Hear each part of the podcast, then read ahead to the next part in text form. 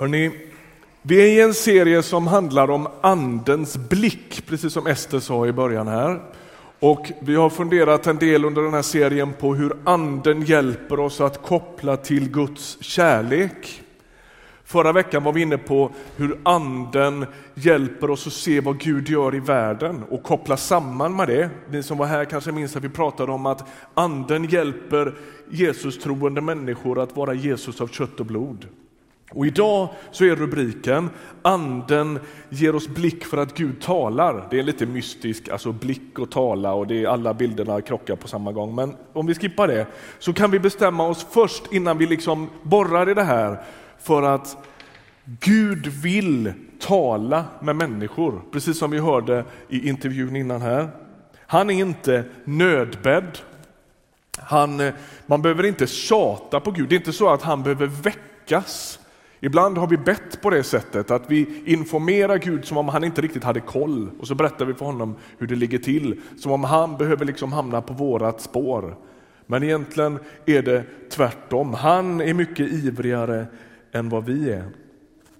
Varje person som tror på Jesus tror jag kan erfara hur Gud leder, hur han meddelar sig med oss och hur han talar om både stort och smått. I Gamla testamentet så talar Gud primärt kan man säga genom särskilda ombud. Genom profeter, genom särskilda ledare, kungar, domare och så. Men i Nya testamentet, efter att Jesus har fötts, han har levt sitt liv på jorden, han har dömts till döden, avrättats, uppstått, så inträffar pingstdagen. Och ett av nyckelorden i texten om pingstdagen i Apostlagärningarna 2, det är ordet alla.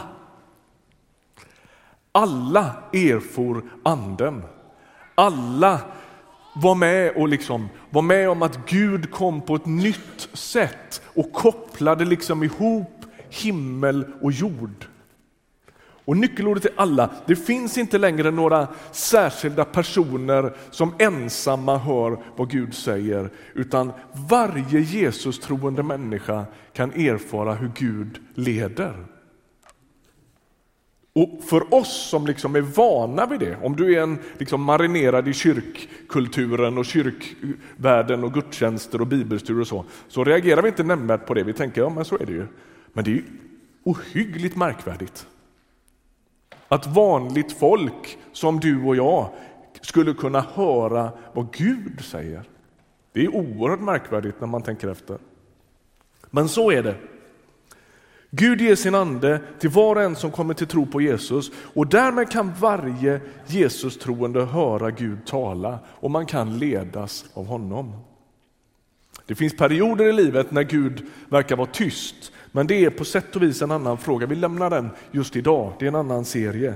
Men grundläget är att Gud önskar leda kristna individer och gemenskaper så att vi bättre kan göra det han vill. Nu är jag med på att en del av er som är här i Ryttargårdskyrkan idag är lite, står lite på avstånd och kanske kollar in kristen tro eller du går på gudstjänst någon gång ibland men du är inte riktigt säker på vad du ska tro och kanske tycker att det här låter lite spooky. Men det är faktiskt en central tanke i kristen tro att Gud meddelar sig med sitt folk. Att han kommunicerar. Och då är frågan, hur går det till? Det tänkte jag vi skulle fundera lite över idag. Det kan ske på massor med sätt och jag inte, liksom, har inte för avsikt att, att liksom, bli, täcka hela den kartan, utan jag skulle vilja ge några glimtar idag av hur Gud kan kommunicera med människor. Och jag vill att vi hämtar riktlinjerna ur Nya testamentet. Apostlagärningarnas 16 kapitel. Det här är en på många sätt fantastisk text. Apostlagärningarna 16. Ehm, Paulus och hans medarbetare. Paulus är en central figur i Nya testamentet, en första liksom, lite tydliga missionären utanför den judiska kretsen. Och så är de ute på en av sina resor. Paulus han gör tre stora missionsresor tillsammans med sitt team och sen gör han en fjärde resa till Rom. Han gör nog lite fler egentligen, men det är de vi vet om här. Det kan antydas lite fler. Och vi läser ifrån vers 4. Då står det så här. De reste från stad till stad och de meddelade bröderna de föreskrifter som apostlarna och de äldste i Jerusalem hade utfärdat och som man skulle iaktta. Församlingarna befästes i tron och fick för var dag fler medlemmar. De tog sedan vägen genom Frygien och Galatien eftersom den helige ande hindrade dem från att förkunna ordet i Asien. När de hade nått Mysien ville de bete, bege sig till Bitynien, men det tillät inte Jesu ande. Då gick de genom Mysien och kom ner till Troas. På natten hade Paulus en syn. En makedonier stod där och bad honom, kom över till Makedonien och hjälp oss. När han hade haft denna syn försökte vi genast ta oss till Makedonien, ty vi förstod att Gud hade kallat oss att förkunna evangeliet där. Vi lade alltså ut från Troas och seglade rakt över till Samotrake och nästa dag till Neapolis. Vi stannar där. Plocka några iakttagelser från den här texten. Den första är att det verkar som att man som kristen inte behöver sitta still och vänta på att Gud leder, utan Paulus han var i rörelse. Han var i rörelse. Ehm, för många år sedan när jag jobbade i ett evangelistteam på Teen Challenge, då hade vi, Cynthia och jag pratade om det här häromdagen, då hade vi gamla bussar som var fantastiska, som, de var inredda som café kafébussar. De var otroligt bra som café, men de var inte riktigt lika bra som fordon kan man säga. De hade sin bästa tid bakom sig, de här bussarna. Och jag har stått på otaliga parkeringar och, och personfärger och grejer med röken bolmande så här och bussen rör sig inte ur fläcken. Och, ja, förfärliga historier om de här bussarna. Och, och Det som är grejen med de här gamla, de var från 60-talet de här bussarna. Det är jag också, så det är ju inte jättelänge sedan. kom jag just på. Så här, vad hemskt, de var från 60 ja, det är jag också. Men de där bussarna, eh, en del av dem var så lyxigt utrustade så att det fanns ehm, servostyrning på dem. De var alltså jättestora, långa. Det här var fina grejer om det var servo, men inte alla. Vi hade en buss som var från 1961. Den var alltså högerstyrd. Den var från 61 och så hade den ingen servo. Och vi hade ett team som reste genom Europa som var nere i Kroatien och lite runt där och, och var inne på jättesmala gator i Dubrovnik och, och Zagreb och vart det var, där det bara inte gick att köra fort. Liksom. Det hängde två stora starka killar i ratten för att överhuvudtaget klara att styra den där bussen därför att den stod still. Är med? Men vad händer med den där bussen när man kör i 90 kilometer i timmen? Det, det kunde man nästan inte, men vi säger 65. Då gick det att styra den, därför att den rörde på sig. Va? Alltså, den där bussen kan man inte röra, styra om den står still. Det går nästan inte. Den här båten, den har ju kanske inte just den här, men egentligen ska det nog sitta ett roder där någonstans, Jenny. Va? Mm. Eh, ett ganska litet roder, men när båt, och när båten står still då kan du inte ha rodret till någonting. Men när båten rör sig, då går det med ganska små rörelser att styra båten. Och vad är det Paulus är med om i den här texten? Jo, det är som att han tänker bakvänt mot hur du och jag ofta gör. Jag hör ofta människor säga så här, jag skulle gärna göra något för Guds rike, jag skulle gärna betyda något för människor, men jag har inte upplevt att jag har något tilltal för det. Och så blir hela teologin om hur Gud leder snarare passiviserande. Vi sitter och väntar. Paulus han verkar inte alls köpa den idén, utan här är det ju tvärtom. Det är som att Jesu ande vid flera tillfällen får stoppa honom. Märker ni hur det finns en sorts bakvändhet eller vad säger, ett annat sätt att förhålla sig till det här på? Om inte Gud säger stopp, då går jag. Jag tänker att det är något gott med det. Vi får för oss ibland att det är bättre att sitta still så att man inte gör något fel. Paulus han verkar köra på det han redan har förstått och så länge Guds ande inte stoppar honom så fortsätter han. Bara säga det som en liten brasklapp. Om du odlar en teologi som får dig som begränsar din förmåga att göra gott, då är det förmodligen ingen god teologi. Är ni med mig? Om din teologi gör att du känner att ah, men jag vågar inte tjäna, betjäna andra människor, jag vågar inte be för någon, jag vågar inte vara generös därför att det liksom sitter i systemet att det är så lätt att göra fel. Då är det nog något fel på den teologin. Alltså Gud släpper dig fri.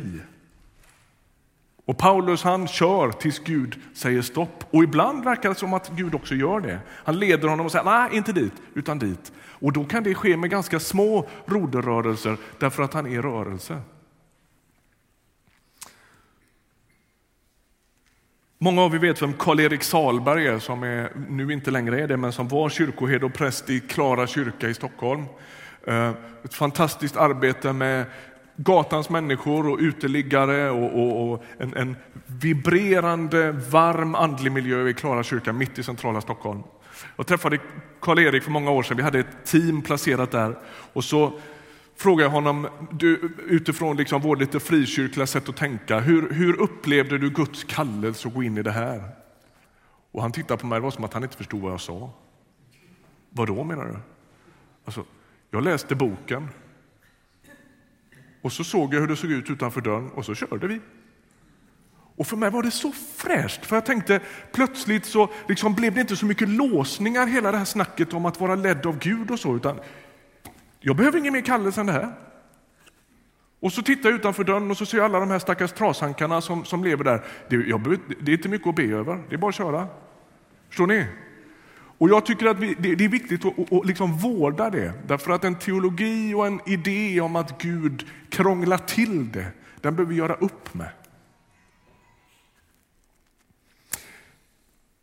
För det andra så verkar det som att Gud leder ibland genom omständigheter. Vad som händer eller vad som inte händer kan ibland vara en hint om vad Gud vill. Ibland leder Gud oss genom, genom det. Och Det kan handla om dörrar som stängs eller saker som inte finns. Alltså, titta på Petrus och, och Johannes i början på apostlagärningarna när de möter den lame mannen vid porten som, som tigger efter pengar och de säger några pengar har vi inte, men det vi har, det ger vi dig. Det är som att Gud leder genom omständigheter. Vad hade hänt om de hade haft pengar? Då kanske man aldrig hade rest upp den lame mannen. Eller hur? Alltså genom de omständigheter man lever i så kan Gud också leda. Hur, är det, hur kommer det sig i den här texten att Paulus och kompani upplever så starkt att, att Gud hindrar dem från att åka? Vi vet ju inte riktigt hur det går till. Men kanske det är så här att dörren stängs väldigt konkret. Det går ingen båt eller det funkar liksom inte att åka. Eller, alltså, och de upplever att ja, men det finns en Guds ledning i detta. Ibland öppnar Gud dörrar, ibland sänder människor i vår väg. Och då behöver man kanske inte nödvändigtvis fler tilltal eller mer ledning än att försöka ha en sorts blick för att en del av de här omständigheterna verkar Gud i.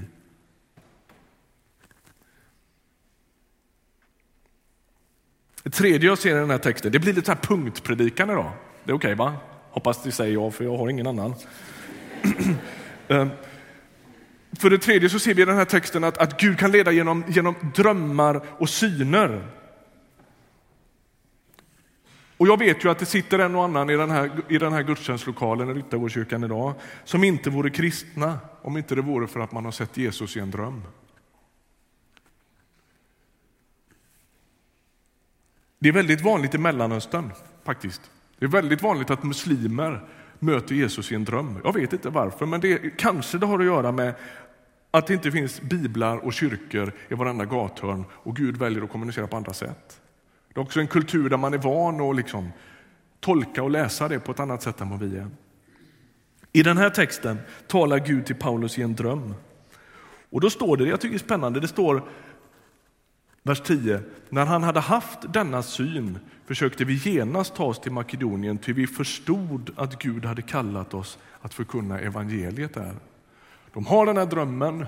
De upplever, Paulus har den här drömmen och han, han ser en sån här syn och det står en makedonisk man, alltså som står i Europa och ropar över till mindre Asien. Kom över hit och hjälp oss. Det här är första gången evangeliet når Europa.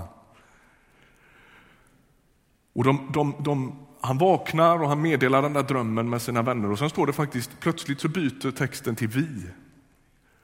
Och så står det vi förstod att det, här, det, det finns ett tilltal i det här och Gud vill någonting med det här och han leder oss att åka dit och så gör de det.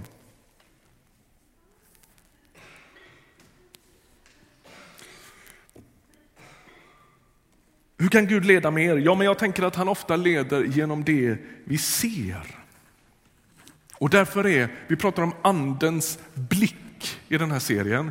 Och jag tänker att när anden hjälper oss med vår syn, med vår blick, så kan man se på alldeles vanliga omständigheter på ett delvis nytt sätt. Man ser på ett Alltså det är som att Gud har märkt ens blick.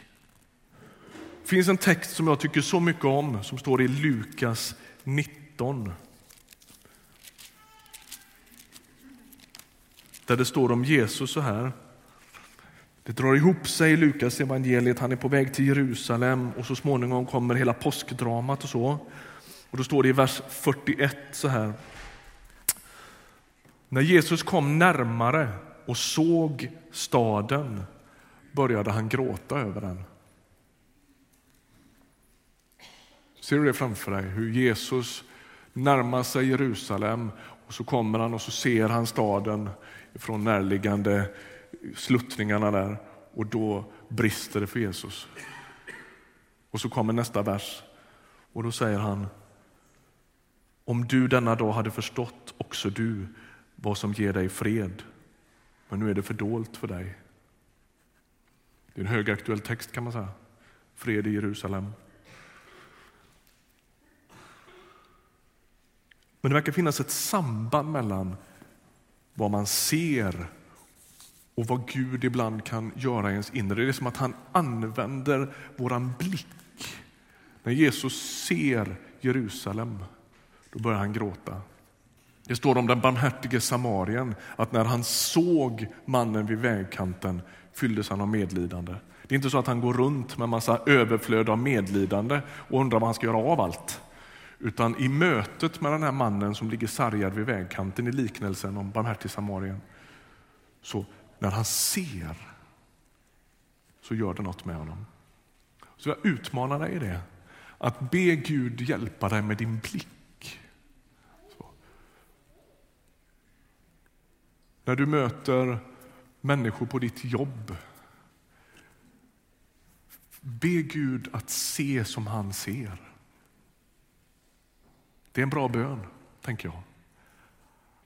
Gud kan leda dig på det sättet. Vad ser Jesus när han kommer in i fikarummet på ditt jobb? Och Tänk om du kunde få liksom smittas av det. Tänk om du kunde få en sån blick. För vem behöver en särskild uppmuntran idag? Vem kanske inte jag nödvändigtvis alltid ger mig till känna för, men som jag ber lite särskilt för idag. Eller du vet, vad det nu kan vara. När han såg staden började han gråta. Var lite vaksam. Eller när du möter en EU-migrant som sitter med sin pappmugg här utanför.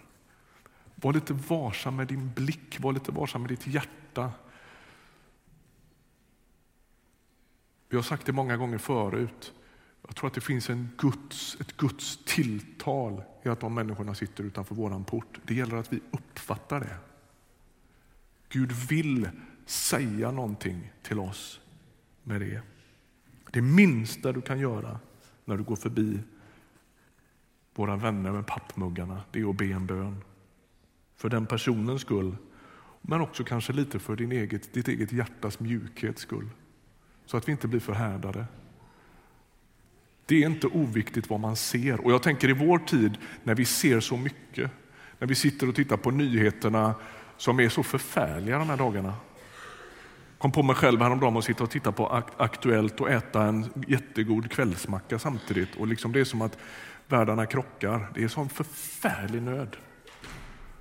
Och om man inte vakar lite på det man ser och låter det göra något med ens hjärta, då blir man förhärdad. Fundera över vad Gud vill säga dig genom det du möter. Det kan vara en människas glädje, det kan vara en människas förtvivlan eller förändrade omständigheter på något sätt. Allt du möter och utsätts för kan vara ett uttryck för att Gud kallar dig eller talar med dig eller delar sitt hjärta med dig. Det betyder inte att du ska gå på helspänn och vara jättenervig för att du ska missa något, utan bara ha en sorts beredskap för det. Jag tror också att Gud vill tala med oss genom andras hälsningar och tilltal. Gud vill tala med vår församling. Jag tänker att vi också ofta lever i en alldeles för individualistisk kristendom eh, där vi tänker att vi ska lösa det här på egen hand. Men genom andra människor, genom dina kristna vänner, så vill Gud tala till dig. Och genom dig vill han tala till dina kristna vänner. Han vill uppmuntra, han vill lyfta dem, han vill heja på dem, han vill ge dem hopp, mod. I första Korintierbrevet 14 så står det så här. Den som profeterar bygger upp, förmanar och tröstar. Visst är det tjusigt? Tänk att få vara med om det, att vi är med och bygger upp, vägleder och tröstar människor. Låt mig ge dig ett färskt, väldigt färskt exempel. Vi har alltså haft våra vänner här på en kurs som heter The Art of Hearing God. Och, eh, började i torsdags kväll. Vi var ett 40-tal deltagare och vi började i torsdags kväll med en övning där vi fick stå mitt emot varandra. Eller vi fick stå, vi fick stå på, på två rader och så fick man um, gå till någon som övade sig i att ge en sorts bild eller en hälsning eller något ord som vi liksom fick öva oss i och se om det är från Herren. Okay?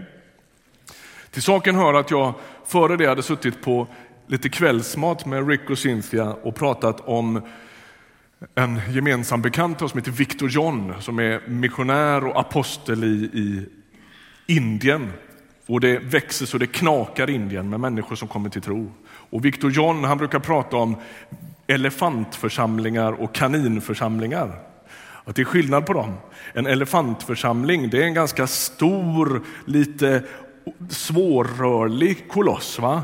som inte föder jättemånga barn och det tar väldigt lång tid mellan gångerna. Så. Och så finns det kaninförsamlingar, de är väldigt lättrörliga och det sprider sig som en löpeld. Och han, försöker, han menar att det som de är med om i Indien det är ju snarare en sorts kaninrörelse. Då, va?